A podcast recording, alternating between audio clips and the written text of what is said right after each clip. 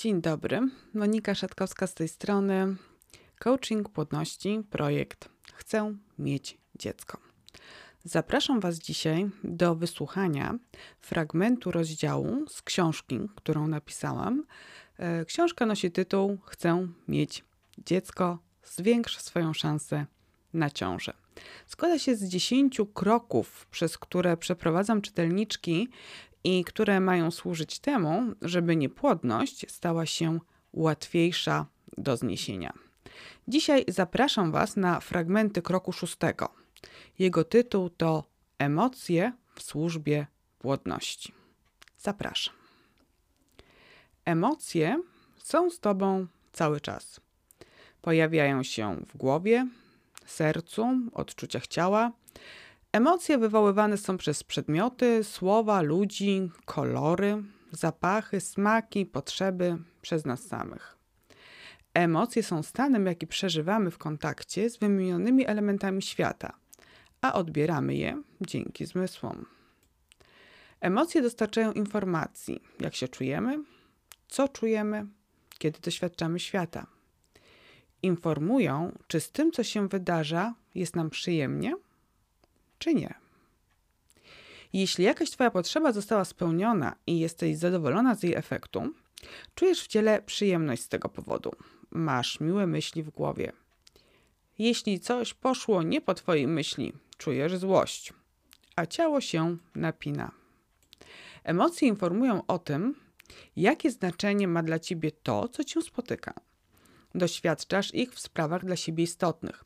Im coś jest ważniejsze, bardziej wartościowe, potrzebne, tym większe emocje wywołuje. Jeśli są spełniane potrzeby, odczuwasz zadowolenie, dumę, radość. Jeśli oczekiwałaś innych rozwiązań, a ciągle nie doświadczasz zaspokojenia podstawowej potrzeby, odczuwasz smutek, złość, rozgoryczenie. Mówiąc, że coś czujemy, mamy na myśli własne subiektywne doświadczenie. Emocją uzewnętrzniamy, wyrażamy to, co czujemy wewnątrz siebie. Nasze ciało wyraża emocje na przykład poprzez śmiech czy płacz. To reakcja emocjonalna na uczucie radości lub smutku. Czy emocje są dobre, czy złe? Są naszym sprzymierzeńcem, czy raczej wrogiem? No bo przecież przeżywanie stanów złości, poczucia winy, lęków przyjemne nie jest. To po co je przeżywać? Emocje są sprzymierzeńcem. Są dobre. Są naszymi informatorami. Te odczuwane jako nieprzyjemne i te, które nazywamy przyjemnymi. Często tłumimy własne emocje, zwłaszcza te, w wyniku których doświadczamy nieprzyjemnych stanów.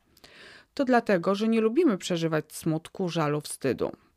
Albo nie umiemy, bo dzisiejszy świat szuka sposobu na to, żeby odczuwać to, co miłe. Reklamy na przykład pokazują, jak szybko i bezboleśnie możemy pozbyć się bólu i zmartwienia, kupując sobie poprawiacz nastroju, tabletkę przeciwbólową lub czekoladkę i od razu jest dobrze. Niestety, w realnym życiu tak nie jest. Emocje odczuwane jako nieprzyjemne nie miną jak za dotknięciem czarodziejskiej różdżki tylko dlatego, że coś sobie kupimy. Dobrze by było nauczyć się z nimi żyć, nauczyć się je rozumieć, wsłuchać się w to, co mają nam do powiedzenia, akceptować ich obecność w życiu. Często przeżycia emocjonalne bolą. Jednak tylko odważne przyjrzenie się im i temu, co chcą nam powiedzieć, przynosi ukojenie.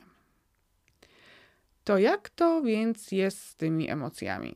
Są wrogiem czy przyjacielem? Czy prawdziwy przyjaciel nie wspiera, nie rani, nie daje poczucia bezpieczeństwa? Prawdziwy przyjaciel mówi prawdę i czasem pokazuje nam jakąś wiedzę o nas, którą sami chcielibyśmy ukryć, nawet przed sobą. Zapoznaj się z własnymi emocjami, tymi związanymi z niepłodnością i ogólnie z życiem. Po pierwsze, odpowiedz sobie na pytanie, czy według ciebie emocje są dobre czy złe. Zanim odpowiesz, zastanów się jeszcze, czy dobrze jest odczuwać ból, na przykład zęba. Nic przyjemnego, prawda?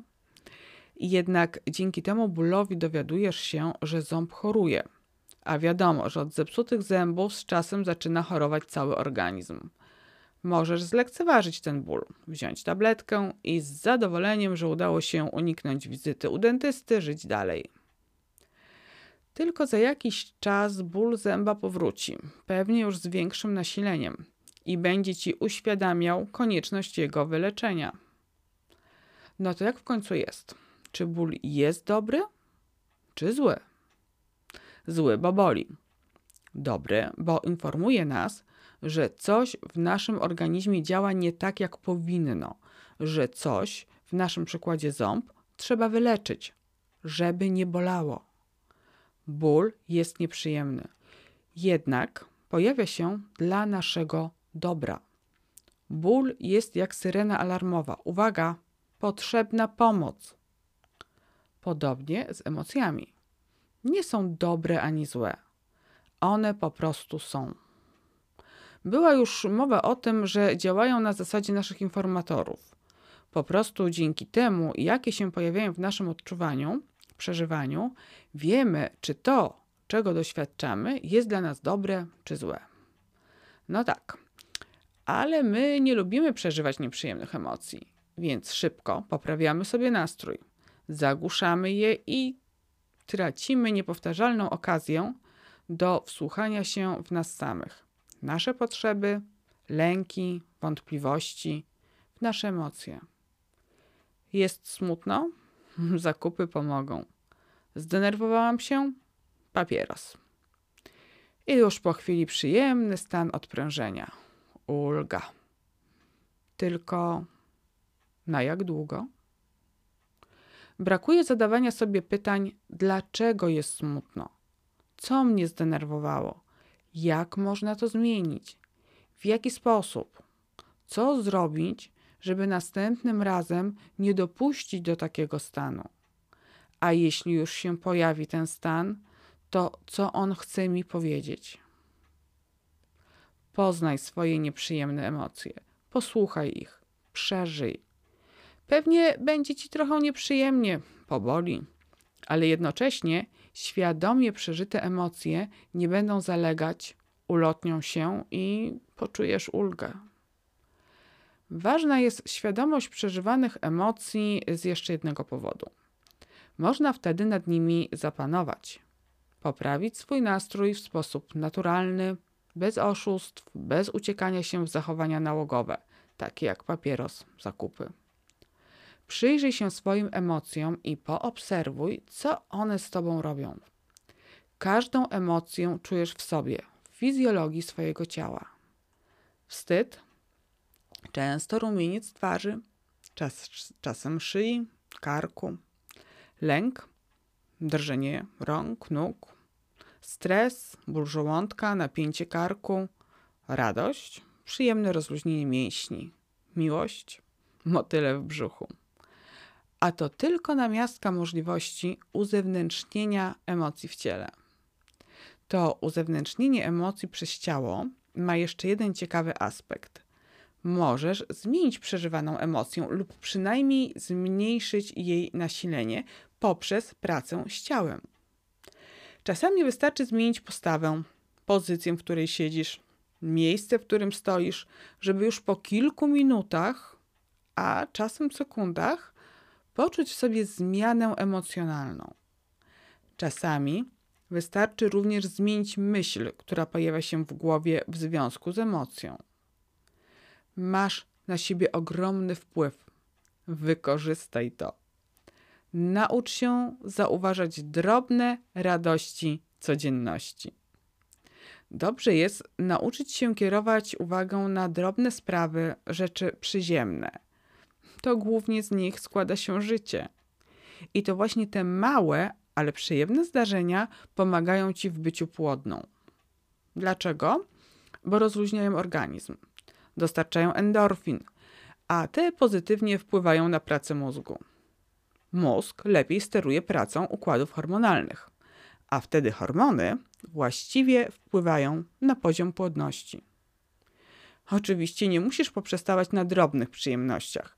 Wiesz już, że możesz sterować swoimi uczuciami, myślami i zachowaniami.